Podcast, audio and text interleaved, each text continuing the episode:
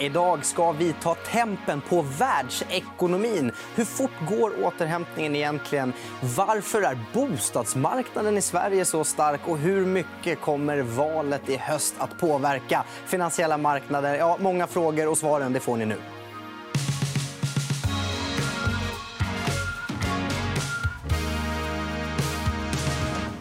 Och därför har jag samlat Alexandra Stråberg och Kristina Nyman. Välkomna. Tackar. Jaha, eh, det var en händelserik vår och en kanske lite lugnare sommar. Har ni fått liksom hämta er lite och börja titta tillbaka på våren som har varit?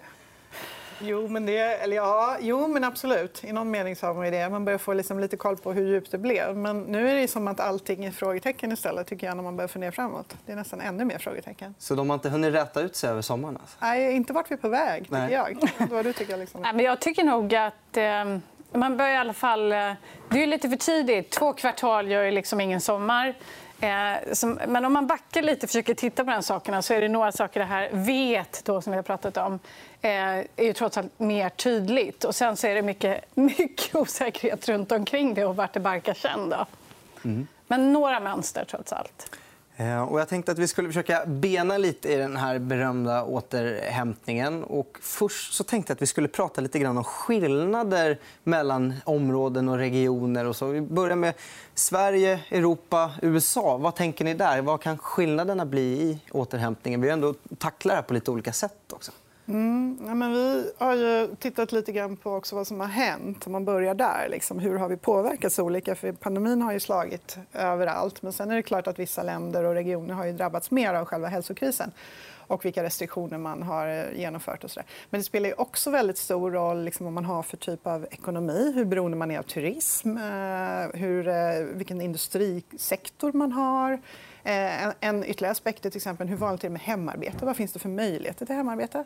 Då så Finland jobbar 60% hemma nu enligt undersökning medan i eurosnittet var 37% hemma.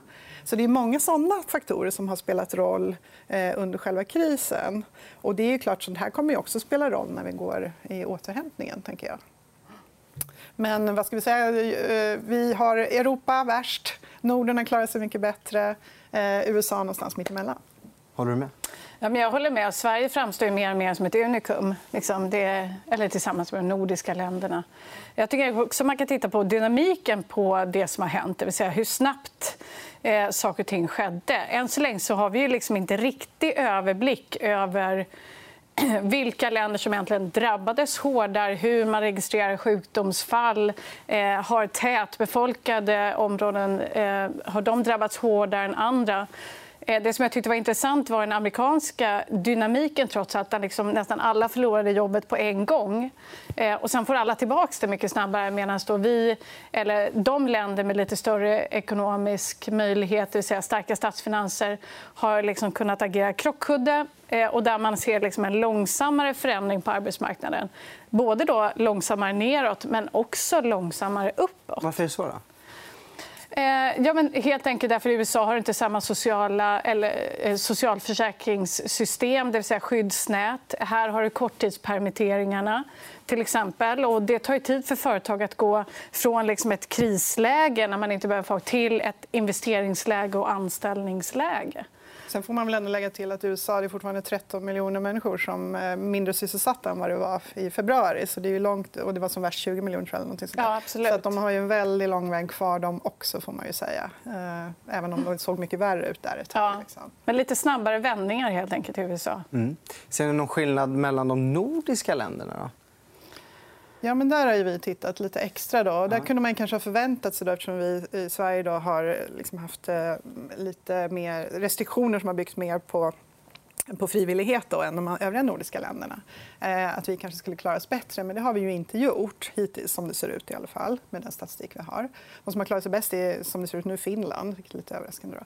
Men här är det just det här att det spelar liksom roll. Vi är en liten eh, öppen ekonomi med en stor motorfordonsindustri i Sverige. Eh, motorfordonsindustrin har drabbats hårt. Eh, vi har eh, Finland till exempel, har ganska mycket massa och pappersindustri. De har haft ganska stora orderböcker de har kunnat betat av. Så de har liksom klarat av sin industri bättre. Eh, sen har vi ju även i Sverige då haft stora... Liksom, vi har ju stanna hemma och vi har jobba hemma. Och så, där.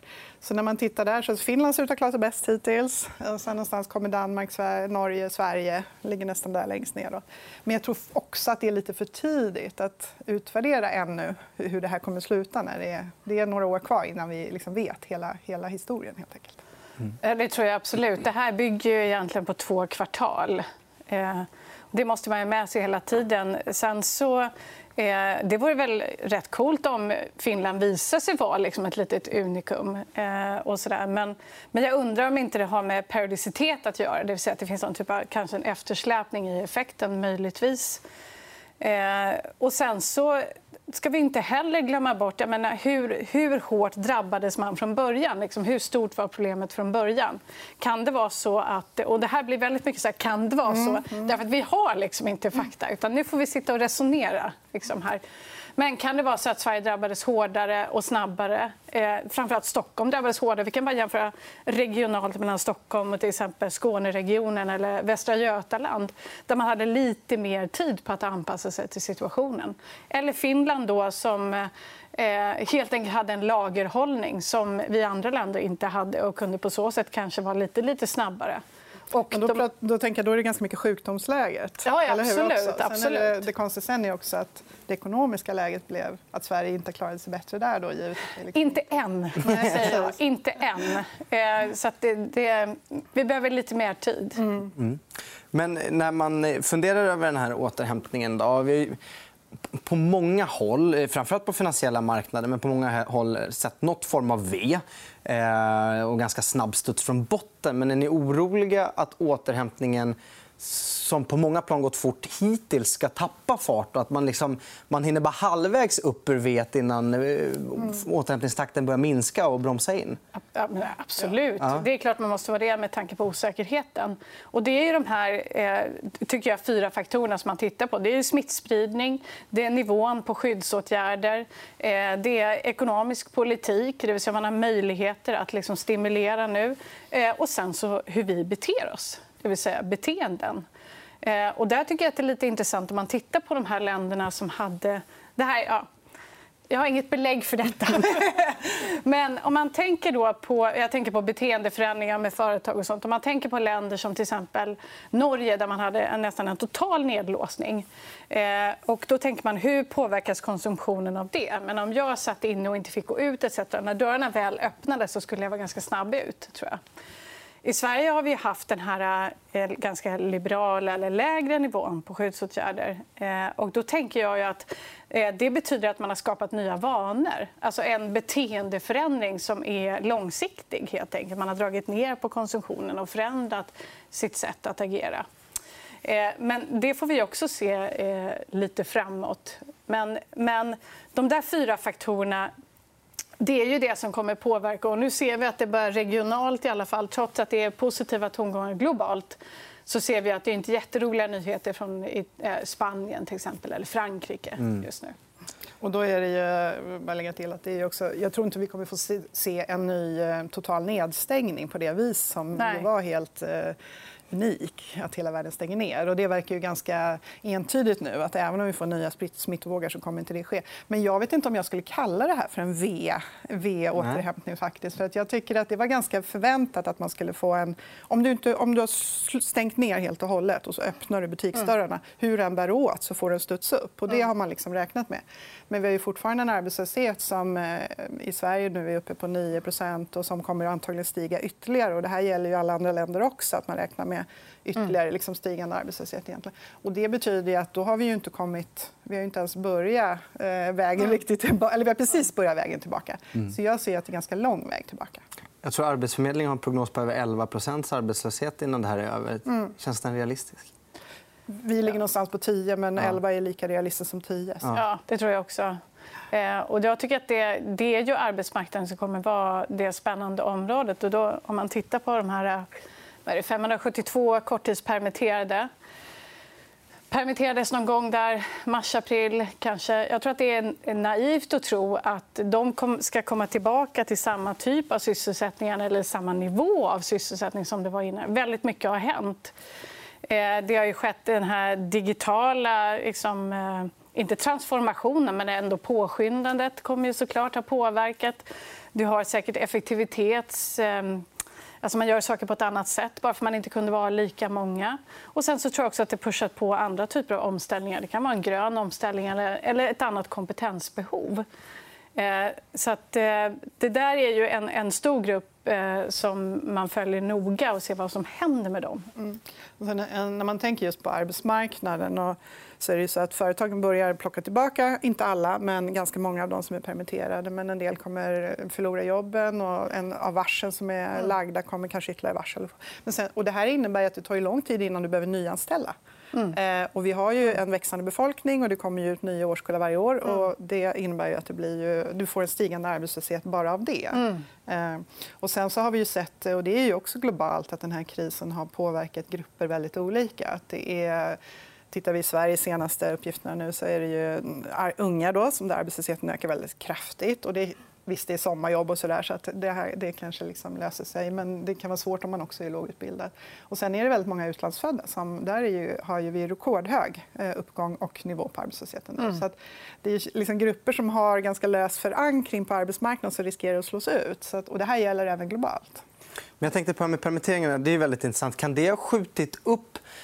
Vanlig dynamik vid sämre tider det är ju att folk blir oroliga, slutar konsumera och slutar investera vilket spär på den här nedåtgående spiralen. Nu var man ju väldigt snabb på att permittera eller införa i, i, i stora delar av världen mm. olika typer av permitteringsstöd för att hela tiden se till att vanliga medborgare har kvar någon form av inkomst i plånboken. Och att då många andades ut. och okay, men Jag har fortfarande kvar min inkomst. Jag kan fortfarande betala mina räkningar. Det blir en liten semester, även om det blir på hemmaplan. Vi kan köpa någon liten eh, fond här och spara. Alltså, vi kan köra på som vanligt. Men när det nu i höst och vinter och så tänker man att nu ska jag gå tillbaka till jobbet så får man istället beskedet att nej, men det finns inte kvar. Eh, att det kanske då kommer den här vågen med att folk blir oroliga, konsumerar mindre, börjar spara i ladorna, slutar investera och att vi får en till nedåtvåg? Mm, jag tror att det kan vara liksom lite både... Just den här tudelningen eh, tror jag kan bli, som, som vi kanske har sett ända sedan finanskrisen egentligen, men, men kan bli ännu tydligare. För att om man tänker de, de många grupper kommer, har kanske blivit men har kvar sitt jobb så att säga, och kommer få tillbaka det och kanske har den här utbildningen så det är inget problem och du har en liksom, digital nivå som gör att du... och så vidare. Mm. Eh, och kunna jobba hemma kanske i någon mening. Du har också kanske mm, pengar på, på börsen eller så. Den är upp igen och du har ett hus som återigen. Liksom. Eh, så att den här gruppen, där kommer det ju bli. Men sen har du den andra delen då, som förlorar sitt jobb och som inte har en börs och en lägenhet. De har liksom inte fått något av de här plussen. Och det är kanske de i första hand som blir av med sina jobb. Så vi kan få liksom ännu större tudelning i ekonomin. Och I många länder så är man ju liksom orolig för vad, inte minst i USA men i Europa, vad kan det här betyda för populism och, och mm. ja, olika, den typen av social oro. Och jag tror att det här, och de här grupperna brukar ha svårigheter i normala fall att få jobb. Sverige är ganska dåliga helt enkelt på att ta in utlandsfödda eller eh, ungdomar har svårt att komma in på arbetsmarknaden. Så att det här spär ju på liksom strukturella problem som redan idag finns. Och jag tror också att det, eh, det tar lite längre tid nu, liksom, precis som Kristina säger, att få tillbaka dem i arbete. De kommer att anställas först innan man tar från den andra gruppen. Så det här kommer att ta tid. Arbetsmarknaden brukar släpa efter och nu tror jag att vi kommer att få kanske ytterligare en eftersläpning som vi måste leva med. Mm. ett bra tag framöver. Och på tal om att ta tid. Vi har en liten undersökning som vi drog ut på Twitter till våra tittare. Eh, där vi frågade om hur lång tid de tror att det kommer ta för, för den här återhämtningen. Det ser, de ser ganska dystra ut. Många tror 2021, 2022 att vi är tillbaka i samma världsläge som vi var eh, i januari 2020, alltså i januari i år. Vad, vad tänker ni? Jag kanske är ännu dystrare. det var ju jättetråkigt. Ja. Men, ja. Nej, men jag är, och sen beror det lite på vad man menar med konjunkturläge. Såklart. Men, men tittar man på till exempel arbetsmarknaden som jag ofta tänker när jag tänker konjunkturläge så att komma ner i de låga arbetslöshetssiffror som vi hade innan krisen, det kanske vi inte ens gör. Mm. Eh, men, men visst kan vi komma tillbaka till någon form av som vi upplever som normalitet ändå. Eh, det kanske är rimligt. Där. Ja, och sen så beror det på, det här är ju världen också. Man brukar för sig, man får en sån för så utgår man ofta från sin egen situation. Men eh, världen där vi liksom, den här coronavågen, eller vågarna kanske, flera vågar som går runt i världen, det slår ju lite olika på olika ställen vid olika tillfällen. Eh, så att, eh, det beror på hur lång tid det där kommer ta. Eller, ja, de andra fyra faktorerna som vi nämnde tidigare, om de kommer komma tillbaka. Eh, så det är ju superklurigt. Så att i höst det, det är ju riktigt positivt om man tror mm. det. Alltså, det är nog Ja. Men då, tänker, då är man den här ja. som vi var inne på, den här gruppen som inte blir permitterad. Eller så. Men om man är som du, som du nämnde, den här, att man börjar säga oj nu börjar jag bli mer och mer orolig för att jobben... Det är ju den typen av osäkerhet som gör att jag tror att det kommer att ta mycket tid också. Mm. Eh, för det är ju också någonting som gör att även företag känner ju den oron såklart. Eh, och det mm. innebär mm. att man inte är beredd att investera eller anställa förrän man vet hur det här ska gå. Mm. Så det är mycket osäkerheten som gör att jag tror att det kommer att ta tid. Jag tänkte att vi skulle gå vidare och hantera också det amerikanska valet. Och även där drog jag ut en fråga för att se om folk tänkte att det spelar någon roll eller om det bara rinner av marknaderna som mm. teflon. Eh, och, eh, ja, nästan en tredjedel tror att det inte spelar så stor roll, men de flesta tror det. Det var ju, mm. det var ju lite eh, ledande fråga från mig, för jag misstänkte ju ändå att de flesta skulle tro att det påverkar. Men vad tror ni? då? Ja, men det här är en jättesvår fråga. Såklart. Ja. Alltså, det är svårt att tänka sig att det inte skulle påverka kortsiktigt. Samtidigt så, så tänker jag också att det är ganska jämnt och att någonstans finns ju redan det kanske inprisat att det är ganska osäkert vad utfallet ska bli och att det fortfarande är liksom coronapolitik som kommer dominera på kort sikt. Uh, och då kanske ändå utrymmet är ganska begränsat för att liksom, det ska bli väldigt stor skillnad just på kort sikt. Men, uh, Ja. Ja, jag tror väl att menar, tanken på liksom höga skatteökningar eller höga skattesänkningar eh, det är väl ungefär lika låga odds på det. Liksom. Eh, så att, men, men det är ju... Eh, ja, börsen är ju liksom en del, men USA-valet generellt är ju, är ju superspännande. Mm. Det här läget. Och, eh, the comeback kid mm. nu med lite ökade siffror här och se vad Biden och Harris kommer göra. Men nu såg jag att Trump hade, hade en ny plan. såg jag nu. Att eh, Han ville få till så att eh, de kunde köpa upp sig på vaccin innan valet. Det är ju lite spännande för att få rull på det här. Men spelar det någon roll för själva återhämtningen vem som vinner valet? Har de olika återhämtningspolitik eller är det snarlikt? Alltså jag, jag, tror egentligen inte... De har kommit så pass långt i den här coronaprocessen. Så att det tror inte jag kommer att ha någon avgörande betydelse. Det är en faktor bland många. Eh, men jag tror inte att den är liksom avgörande. Nej. Ja, men vi har också fund... och jag har funderat liksom varje gång jag gjort prognoser i väldigt många år. Det, där med att ta in val och politiska val i prognoser är, det är sällan, att, åtminstone innan, att man kan se att man kan göra Eh, att det blir väldigt stora skillnader. Och framförallt nu. Liksom både, båda, både Trump och Biden vill satsa på infrastrukturinvesteringar exempel, som kan vara någonting sånt. Sen har de ju olika åsikter kring hur man ska driva. Och båda är ju tough mot Kina, men kanske på olika sätt. Mm. Så där kanske kan spela lite roll för världen. Men, Eh, och sen såklart att de har olika inriktning. Det är, men det ska genomföras och det tar tid. Och, och som sagt, så att, eh, men det är klart, alltså, om man tänker på när, när Trump eh, vann 2006. Då gick ju börsen rakt ner. Då var ju jätteoroliga för en Trumpfist. Nu pratar man ju snarare om att, de, att man är orolig för att Biden ska vinna. Att då går börsen ner. Eh, men sen återhämtade det sig väldigt fort. Eh, och sen så är det klart att Trump genomdrev ju väldigt stora skattesänkningar som också har drivit på börsen så det, och även ekonomin. Så där fick det kanske lite större effekter ändå på kort sikt än vad vi hade räknat med. I alla fall. Ja, men absolut. Och det är väl så som Trump har liksom försökt agera. Det är väl, är han, börs, börsen börsen går bra så är han en bra president och går börsen dåligt så är han en dålig president. Det är det han har kollat på. Det är ungefär så lång sikt han har tittat på också. Eh, helt enkelt. Så det är hans sätt att värdera sitt eget presidentskap. Sen så tycker jag att man får inte glömma bort att det finns en enorm dynamik i, i den eh, amerikanska ekonomin. Oavsett om presidenten heter Bush, Bush Junior, Obama eller Trump så, liksom så Ja, men du vet, trendmässigt sysselsättningen ökar på, om vi då bortser från liksom, coronaeffekten. Eh, men ändå, så hela den där dynamiken ska vi inte glömma bort. Det finns väldigt mycket som pågår ändå, bortom det politiska. Mm. Nu tänker jag att vi går hem till Sverige igen från USA. Eh, jag har fått lära mig att låg arbetslöshet då har folk pengar i plånboken och då ska bostadspriser gå bra. Men nu när vi har en ökande arbetslöshet som dessutom börjar närma sig tvåsiffriga tal redan nu så har vi en bostadsmarknad som slår rekord efter rekord. Hur går det här ihop? Mm.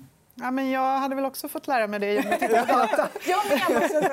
Eller också när vi har tittat, om man tittar på, på ekonomisk data så brukar det hänga väl, väl samman. Och det handlar ju också om oro för att bli arbetslös som ju följer med att människor blir arbetslösa. så följer också oro. Eh, och det har vi ju sett genom den här krisen under våren i Konjunkturinstitutets mätningar. Och det ser vi fortfarande. Att, att eh, hushåll är, eller människor är oroliga för att själva bli arbetslösa. Eh, det ser fortfarande ut som att det är så i de där mätningarna. Och, eh, visst, bostadspriser föll lite grann, men de har ju återhämtat sig helt och hållet. Och, ja, men här får man väl spekulera lite. Då. Det är klart att låga räntor är en faktor, men det, de har ju varit låga räntor eh, länge. Liksom. Så det är ingen förändring i det. kan man säga. Sen tänker jag just att det kan ha med det här lite tudelningen. Att börsen är en viktig faktor också för bostadspriser. För att det är liksom en förmögenhet i botten. Eh, och går börsen bra så är det något som stärker bostadsmarknaden. Och sen tänker jag just den här tudelningen på vilka som i första hand har blivit av med jobben. Att det är väldigt många unga eh, eller, och utlandsfödda, alltså människor som har svag förankring som faktiskt är de som har drabbats värst. Och det är kanske inte de som påverkar bostadspriserna i första hand eh, lika mycket som på marginalen. Och de kanske i högre grad är på hyresmarknaden och inte på bostadsmarknaden? Ja, och inte liksom är benägna, åtminstone nu, kommer inte in. Liksom på... Så det finns fortfarande en väldigt stor del av befolkningen som... Och, det är ju... Ja, men vi vet fortfarande inte riktigt än såklart vart det här landar. Precis som du var inne på, när man börjar bli mer orolig för arbetslöshet kanske det här dämpar sig igen. Så att...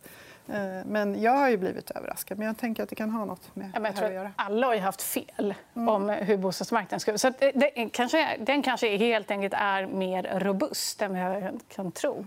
Sen är det klart, precis som Kristina säger, med låga räntor eh, att man släppte amorteringskraven eh, har ju såklart hjälpt till. Den tänker jag... Bara, ja. Förlåt att jag avbryter. Men, bara, eller jag, men jag tänker just med amorteringskravet. För att det är ju bara temporärt. Så att det är fortfarande så att om du liksom är förstagångsköpare så bedöms det ju på som att det finns. Ja. och sådär. Mm.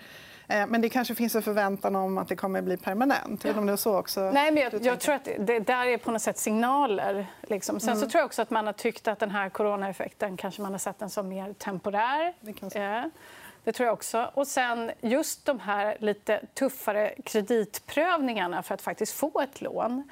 Det vill säga, det hakar upp med, eller passar ihop med den här tudelningen som mm. du ser. Det vill säga, de som faktiskt får bostadslån har ofta trygga finanser, stabila, har jobbet och antagligen har jobbet kvar. Vilket å andra sidan då stänger ut en grupp av personer från bostadsmarknaden. Men det är en annan diskussion. Mm. Men, men, trots allt... Eh, så att, eh, det finns en mängd saker som kan spela in på det här. Men det finns ju ingenting som verkar liksom, kunna stoppa. Förutom om folk skulle bli av med, inte kan betala lånen. Liksom. Men det verkar inte vara fallet just nu. Nej. Nej, men det verkar ju väl också som att både från eh, finanspolitiskt håll och penningpolitiskt håll att man vill se till att folk kan betala de viktigaste räkningarna mm. genom den här krisen och att man gör lite whatever it takes att folk kan det.